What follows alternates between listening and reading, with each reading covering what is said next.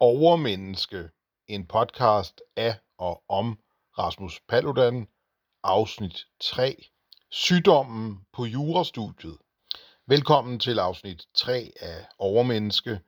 Jeg ved, at jeg sagde i afsnit 2, at øh, det fremover ville blive øh, afsnit på en times varighed, men jeg har allerede fået feedback, der tilsiger, at en time simpelthen er for meget.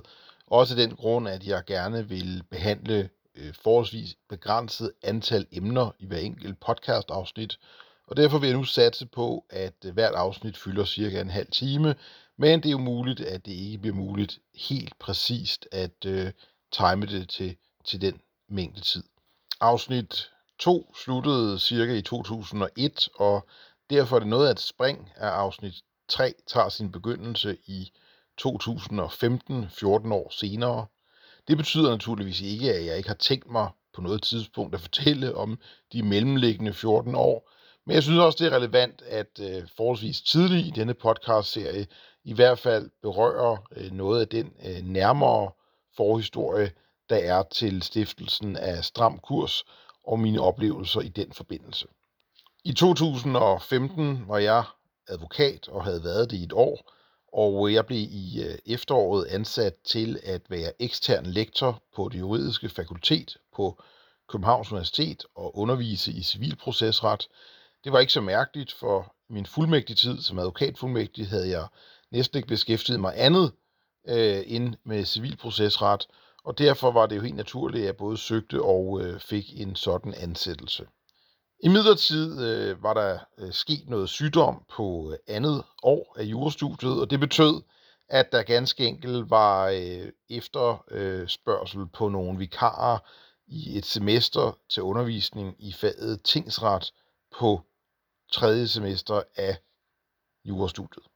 Af mit gode hjerte meldte jeg mig til dette, og øh, der kan jeg i hvert fald sige, at det var en af mine mange fejl at øh, melde mig til det, og øh, jeg har da lært siden, at det med at være den gode samaritaner, der skal man virkelig overveje, om øh, man ikke gør for meget skade på sig selv, når man øh, gerne vil hjælpe andre. I øh, civilprocessret underviste jeg folk, der allerede havde en bachelorgrad i jura, og de havde altså en vis personlig modenhed og også en hel del viden om jura. Det gør sig ikke tilfældet på øh, tredje semester.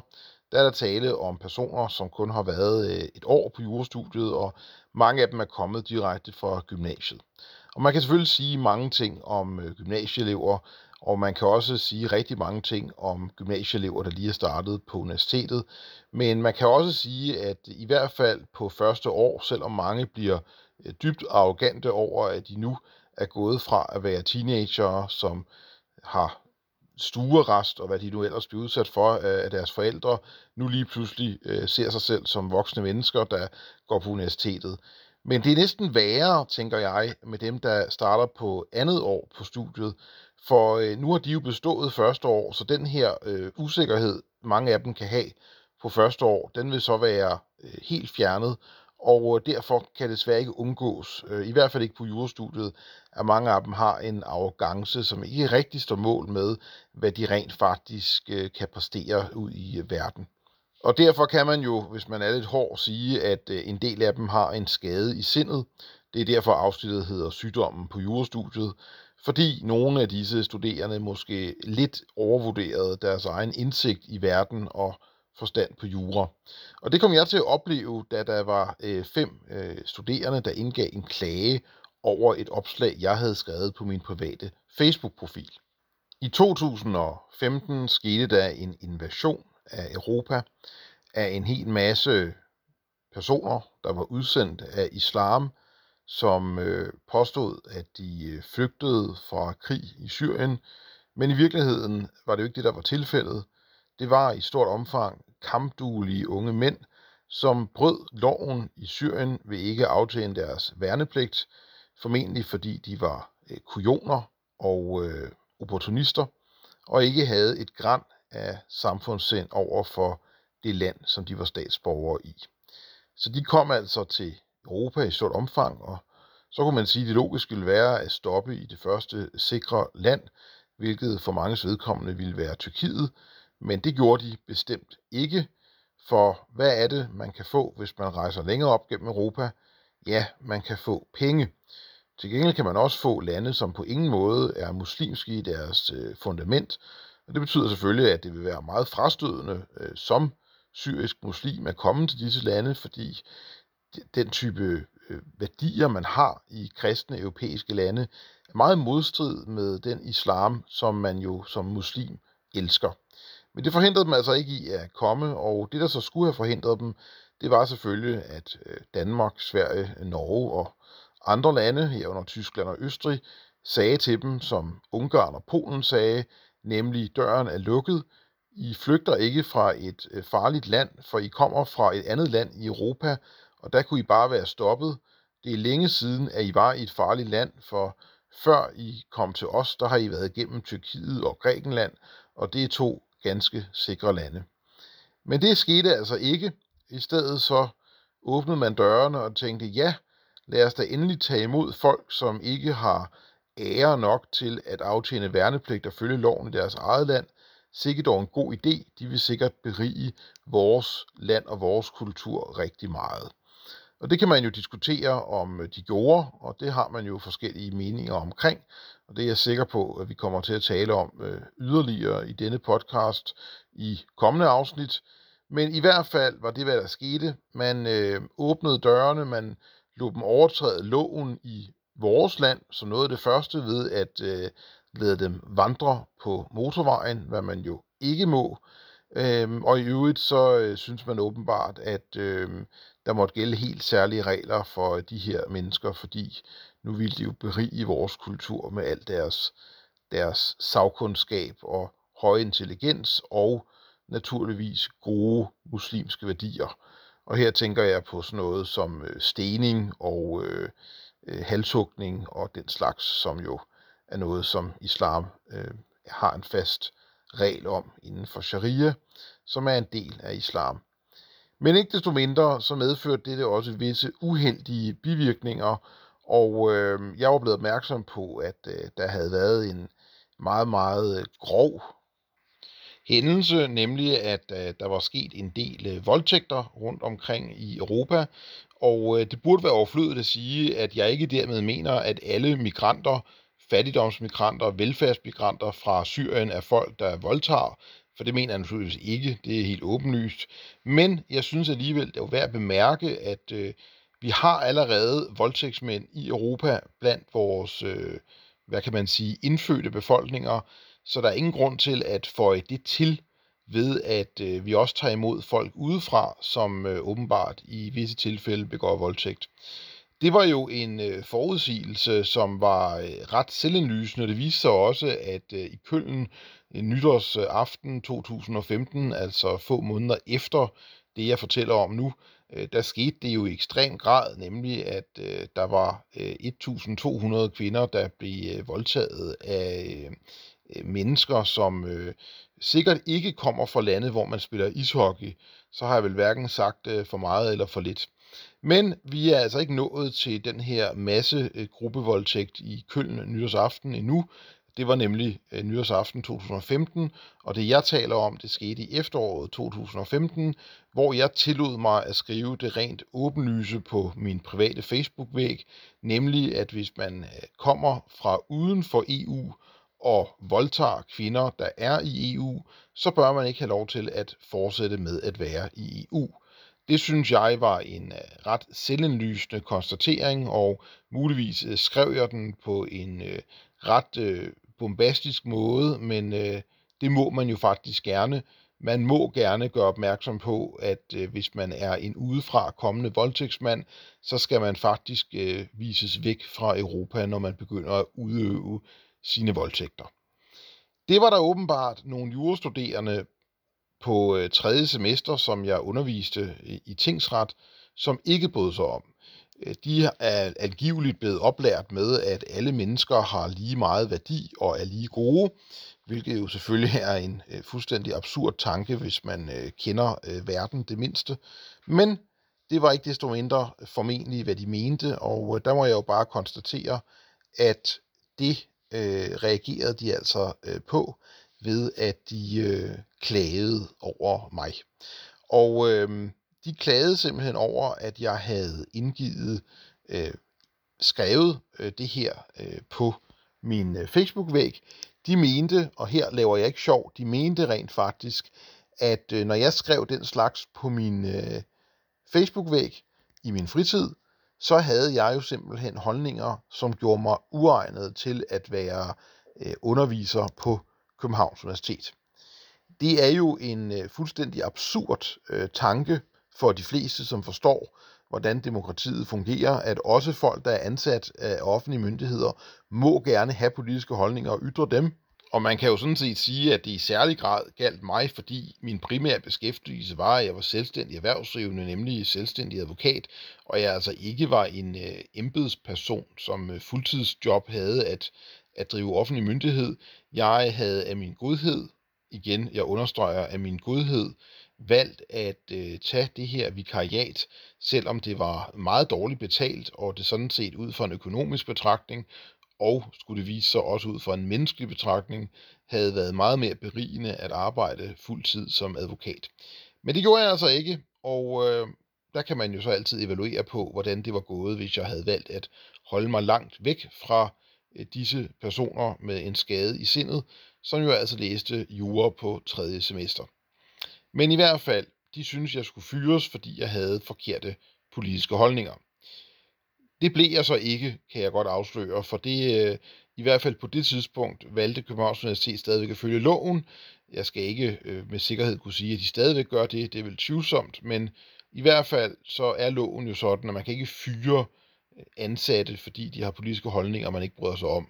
Og det er ikke sådan, at studerende kan få fyret deres underviser, fordi underviseren har en, øh, en politisk holdning, som de studerende ikke deler. Jeg skal her understrege, at jeg naturligvis ikke udtalte mig om mine politiske holdninger i undervisningen, for det havde nemlig været upassende, og øh, det er jo vigtigt at adskille, hvad man mener politisk fra undervisningssituationen. Det jeg koncentrerede mig om i undervisningssituationen, det var at prøve at undervise i faget tingsret, ikke at fortælle, hvad jeg mente politisk.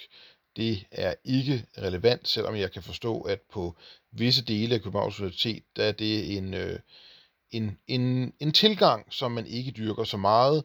Øhm, og her tænker jeg for eksempel på de mere øh, humanistiske uddannelser, hvor øh, jeg kan forstå, at man ganske ofte øh, fortæller vidt og bredt omkring, hvordan øh, kommunisme og kulturmarxisme og postmodernisme er det eneste saliggørende. Men øh, det er jo et, et sidespor. Jeg kan i hvert fald sige, at min opfattelse er, at når jeg underviser folk, så skal det handle om det, jeg underviser i, og ikke om alt muligt andet og slet ikke om, hvad jeg mener politisk. Hvis man vil vide, hvad jeg mener politisk, så kan man for eksempel lytte, lytte til min podcast Overmenneske, eller øh, spørge mig i en anden situation. Jeg skal måske også lige komme med en lille regibemærkning omkring podcastens titel Sygdommen på jurastudiet.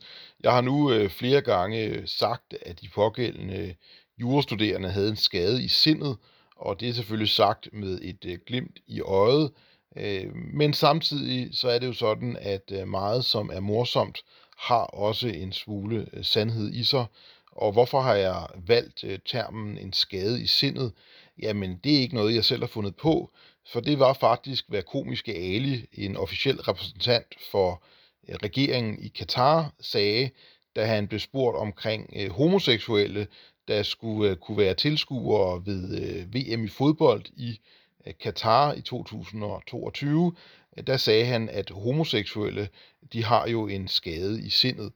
Og derfor kan man sige, at øh, hvis det er, hvad homoseksuelle har ifølge Katar, så er det ikke urimeligt, at jeg påpeger, at øh, man har en skade i sindet, hvis man mener, at ens underviser skal fyres, fordi han har en politisk holdning, som går ud på, at europæiske kvinder ikke skal voldtages.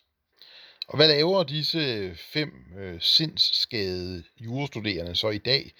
Ja, som overmenneske har jeg virkelig ikke tænkt mig at undersøge det, for jeg beskæftiger mig med øh, nationens øh, velbefindende og at prøve at redde det danske folk, og derfor ville det nok være øh, meget besynderligt, hvis jeg interesserede mig for fem i bund og grund ret ligegyldige mennesker. Det er jo ikke sådan, at øh, disse fem klager og Øh, er de eneste personer i Danmark med en skade i sindet, hvad angår tilgangen til, hvordan Danmark skal udvikle sig. Så det ved jeg ikke, men det er alligevel relevant at øh, fæste sig lidt ved tanken om, hvad de kan være. Øh, de er jo givetvis, må man formode, færdige med jurastudiet nu, og øh, det kan jo være, at de sidder i domstolene og er øh, dommerfuldmægtige og dømmer i, øh, i sager mellem folk. Eller måske arbejder de i Justitsministeriet, eller et andet ministerium, eller i en kommune, eller øh, som advokater. Og øh, det er jo alle sammen øh, stillinger, hvor man kan have ret stor indflydelse på, hvordan øh, afgørelser bliver truffet. Og det er altså mennesker, som øh, mens de var i gang med jurastudiet, mente, at man skal fyres, hvis man har en politisk holdning, som strider imod deres. Det er meget, meget bekymrende, synes jeg. Og øh, det syntes jeg også øh, på det tidspunkt. Og det er derfor, jeg nævner hele den beretning, for ellers kan man jo sige, at det, at der findes forstyrrede mennesker på jurastudiet og andre studier, og der findes umodne øh, studerende i starten af deres øh, studium, det er ikke unikt. Det gælder nok alle studier i hele landet, og formentlig også i andre lande end blot i Danmark. Jeg nævner det, fordi det var faktisk et, et meget traumatiserende øh, øjeblik for mig. Ja, okay, lige frem at kalde det traumatiserende er vel at overdrive, men det var i hvert fald skældsættende. For det var nogle meget alvorlige tanker, jeg gjorde mig efter den her øh, klage. Altså ikke fordi jeg var bange for at blive fyret, det er ikke det, det handler om. Men jeg, øh, jeg, jeg blev ret chokeret over, at, øh, at de virkelig i fulde ramme alvor kunne, kunne tro, at man kunne blive fyret øh, for det. Men jeg blev også meget bekymret over, at de mente, at, øh, at min holdning, altså at øh, vi siger nej tak i EU til øh, voldtægtsmænd, at den var rabiat. For det var nemlig, hvad de skrev i deres klage. Og øh, da de her mennesker jo bestemt ikke var øh, originale eller unikke, øh, de var øh, helt åbenlyst en metervare, så måtte jeg jo bare konkludere, at, øh, at de var nok som øh, unge studerende øh, var flest. Øh, ja, man kan endda sige, at jurastudiet er ikke kendt for at være ekstremt venstreorienteret, så hvis det havde været på et andet studie på universitetet, havde det sikkert været endnu værre. Og øh, det fik mig til at tænke, at øh, ungdommen er jo simpelthen blevet hjernevasket. Hjernevasket på så mange måder til at mene, at øh, alle mennesker i verden er på samme måde, har de samme evner, har de samme idealer, har de samme øh, normer, værdier og vaner. Når det er jo helt åbenlyst, hvis man øh, åbner øjnene og rejser eller bare læser om andre kulturer og andre religioner, at det modsatte er tilfældet. Altså øh, mange danskere, og åbenbart også mange unge danskere, tror, at enten er alle andre i verden, som vi danskere er, eller også vil de straks gerne være det, når de kommer hertil, fordi de så vil indse, at, øh, at vores måde at være på er meget bedre end den, de kommer fra. Og der må man bare sige, at øh, det er altså ikke tilfældet. De synes, at øh, det, de selv har, er bedre. Og der er selvfølgelig undtagelser. Det vil være nogen, der ikke bryder sig om det, de har, men langt de fleste øh, synes faktisk, at de vaner, øh, de har, er, er udmærket. Så hvis man er vokset op med, at det er helt naturligt, at øh, man gifter sig med sin fætter eller sin kusine, og at det er helt naturligt, at, øh, at man får pryl af sine forældre, og at, øh, at far også pryler mor, for eksempel, jamen så vil det jo være det, der er det rigtige og det normale. Og øh, den øh, helt absurde øh, fejl i opfattelsen af virkeligheden, det er jo en skade i sindet. Den opfattelse har mange øh, danskere, europæere og amerikanere formentlig, fordi det er øh, Vesten, altså øh, europæere og Øh, de lande, som øh, europæerne øh, har efterkommere i, og her tænker jeg jo så selvfølgelig øh, primært på øh, Nordamerika, øh, Australien, New Zealand og i et vist omfang også Sydamerika, som øh, dominerer øh, verden. Og øh, det er jo, øh, tror mange, fordi vores værdier er bedre. Og øh, jeg mener, at vores værdier er bedre, men det er så sandelig ikke derfor, at vi dominerer verden. Og det er øh, faktisk ikke bare min personlige mening. Øh, jeg vil gå så langt som at sige, at det er et faktum, men jeg kan da i hvert fald øh, citere den meget anerkendte øh, forsker inden for statskundskab, øh, Samuel P. Huntington, som allerede i øh, 1996 udgav den øh, ret berømte bog Civilisationernes sammenstød mod en ny verdensorden, og øh, den øh, forudser ganske enkelt, at øh, kulturelle og religiøse identiteter vil være den primære årsag til øh, konflikt i verden efter øh, den kolde krig. Der må man nok sige, indtil videre, der har det jo været øh, spot on. Og øh, der skriver Huntington blandt andet, Vesten vandt verden ikke ved overlegenhed af sine idéer eller værdier eller religion, men snarere ved sin overlegenhed i at anvende organiseret vold. Vesterlændinge glemmer ofte dette faktum, det gør ikke-vestlige aldrig. Og det er helt åbenlyst sandt. Altså, øh, det er ikke sådan, at folk fra de arabiske lande, eller Pakistan, eller Afghanistan mener, at øh, vi i Europa bare har bedre værdier og øh, bedre øh, religion og øh, bedre idéer. Men det de øh, ofte øh, gør opmærksom på, det er jo, at vi er bedre til at anvende organiseret vold. Og hvordan vil det så blive den dag, hvor vi ikke er bedre til at anvende organiseret vold? Ja, det er sådan set meget enkelt. Der vil dem, der er bedre til at anvende organiseret vold, sørge for, at deres værdier og øh, religion og øh, idéer slår igennem. Så den dag vil det være Danmarkistan, og der vil øh, danske kvinder blive stenet til døde på torvet, hvis de er blevet voldtaget af en person, der ikke var deres ægtefælle. Det er nemlig straffen for utroskab i sharia, og det praktiserer man jo også de steder, hvor uh, islam får lov til at herske fuldt ud. Så jeg blev virkelig, virkelig bekymret for Danmarks fremtid. Ikke dermed sagt, at jeg ikke havde været bekymret før, men øh, det er jo et stort skridt at øh, begynde at engagere sig på en eller anden måde politisk, og øh, hvis øh, der ikke skulle mere til end et lille privat Facebook-opslag på min private profil, før der blev indgivet en officiel øh, klage, hvad ville så ikke i øvrigt ske, hvis jeg øh, rent faktisk begyndte at øh, måske ytre, hvad jeg mente? Men øh, jeg var lidt øh, søgende på den måde, at øh, jeg ville gøre noget. Jeg blev nødt til at gøre et eller andet for at øh, stoppe øh, dette, øh, denne ødelæggelse af Danmark og, og forurening af, af ungdommen. Men jeg var uklar på præcis hvad. Og øh, det første jeg gjorde var faktisk, øh, at jeg deltog i et øh, møde i Trykkefrihedsselskabet, som blev holdt i Forfatterforeningens lokaler. Det var den øh, 29. Oktober 2015, hvor øh, Lars Hedegaard øh, havde udgivet en bog omkring øh, attentatforsøget mod ham, hvor den øh, formentlig nu afdøde terrorist Basil Hassan forsøgte at øh, skyde ham med en pistol, og øh, fik adgang til, at han åbnede døren ved, at øh, Basil Hassan havde klædt sig ud som et postbud. Efterfølgende var jeg også til et møde i øh, Lars Vilds komiteen på Christiansborg, og den 8. december var jeg igen til møde Trykkefrihedsselskabet, også denne gang i øh, Dansk Forfatterforening, hvor Flemming Rose øh, holdt oplæg om sin øh, bog Hymne til friheden. Alle tre arrangementer, som jo koncentrerede sig om den trussel mod Danmark og Europa og demokratiet og ytringsfriheden, som islam udgør.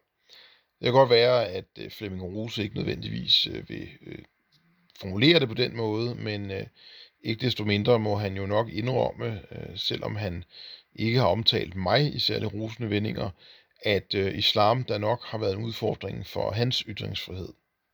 Det var ved et af disse møder, at jeg havde den store ære at hilse på Søren Kraup, som jo øh, er en øh, utrolig øh, anerkendt, i hvert fald i min bog, anerkendt øh, dansker.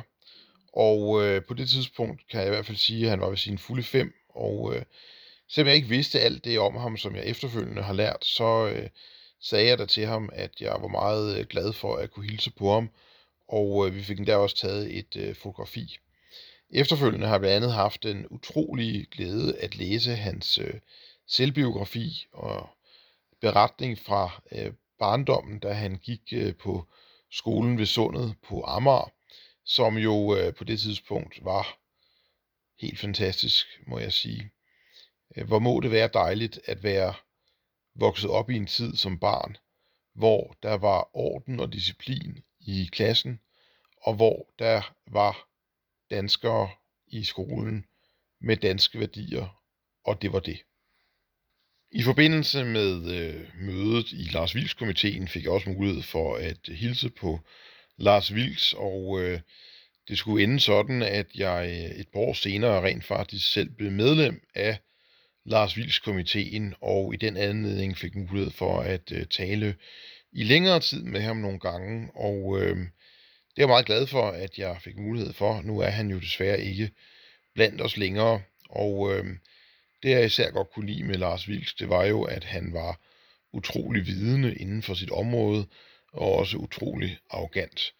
Det er sjældent, jeg har oplevet, at i den grad, der bliver øh, himlet med øjnene, når jeg ikke øh, er klar over, hvem øh, denne eller hin person er. Men øh, Lars Vilks, han øh, var altså ikke særlig tilgivende, hvis man ikke øh, forstod, hvilken øh, obskur kunstner han øh, talte om. Så det var øh, altid en øh, stor fornøjelse at øh, tale med øh, Lars Vilks. Men man må jo sige, at øh, det, at jeg deltog i to møder i øh, Trykkefrihedsselskabet og et møde i Lars Vilks komiteen, var jo ikke noget, som ikke kunne trækkes tilbage. Eller sagt på en anden måde, det var jo ikke sådan, at øh, tandpastaen var kommet ud af tuben, og nu ikke kunne komme tilbage i tuben man bliver jo ikke brændemærket for evigt ved at deltage i et par øh, møder i Trykkefrihedsselskabet og i Lars Vilks komiteen, øh, så måske øh, jeg endnu ikke rigtigt havde taget øh, springet. Tandpastaen var ikke rigtig kommet ud af tuben endnu, og øh, hvad havde jeg egentlig tænkt mig? Hvordan kunne jeg egentlig øh, vise, hvad jeg virkelig øh, mente? Jamen, øh, det kunne jeg jo ved at deltage i For Frihed.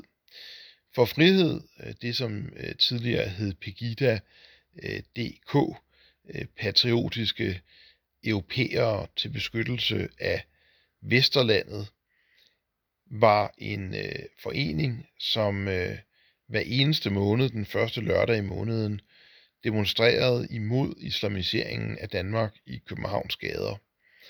Og øh, hvis man først deltog i sådan en demonstration, så vil man blive fotograferet af venstre ekstremister, blandt andet den øh, ret obskure efterretningstjeneste, som venstre ekstremisterne har, som hedder Redox, som jo officielt er en øh, elektronisk avis, men som jo reelt har til formål at udhænge folk på øh, højrefløjen.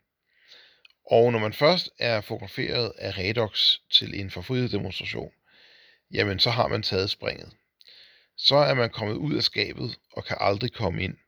Så er det, som jeg har nævnt, at man har taget tandpastaen ud af tuben, og så kan man ikke få den tilbage igen. Men øh, det var jo det, jeg kunne tænke over, om jeg skulle gøre det. Og øh, det var sådan set ikke så svært, når det kom til stykket. For øh, hele tiden kunne jeg jo i avisen læse omkring unge danskere, som blev fornedret, som blev udsat for øh, overfald og øh, blev dybt chikaneret og krænket, og skulle gå på knæ og skulle øh, sige til et kamera, at deres mor var en luder, og som blev øh, givet lusinger og øh, behandlet som øh, slaver. Vel at mærke af gerningsmænd, som slet ikke stammede fra Danmark. Og øh, selvfølgelig også danske piger, som også blev øh, voldtaget og krænket af folk, som heller ikke stammede fra Danmark. Og de her unge mennesker vil jeg gerne kunne se i øjnene, hvis de spurgte mig 10 år senere, hvorfor gjorde du ikke noget? Så vil jeg gerne kunne sige, at jamen, øh, det gjorde jeg faktisk også. Jeg gjorde alt, hvad jeg overhovedet kunne, for at forhindre, at det skulle ske for flere unge. Og øh, det var de moralske overvejelser, jeg gjorde mig. Så havde jeg jo ikke så meget andet valg, end at øh, rent faktisk øh, begynde at komme til øh, forfrihedsdemonstrationer, med de konsekvenser, det så ville have for min anseelse og mit ry og rygte. Og derfor tog jeg altså øh, springet i januar 2016 ud i det blå. Og øh, det kan du høre om i næste afsnit, afsnit 4 for frihed. Og husk også, at du er meget velkommen til at øh, dele denne podcast med øh, dine venner. Det er jo en af de få muligheder, man har for rent faktisk at øh, få den ægte vare og få sandheden at vide om Rasmus Paludan.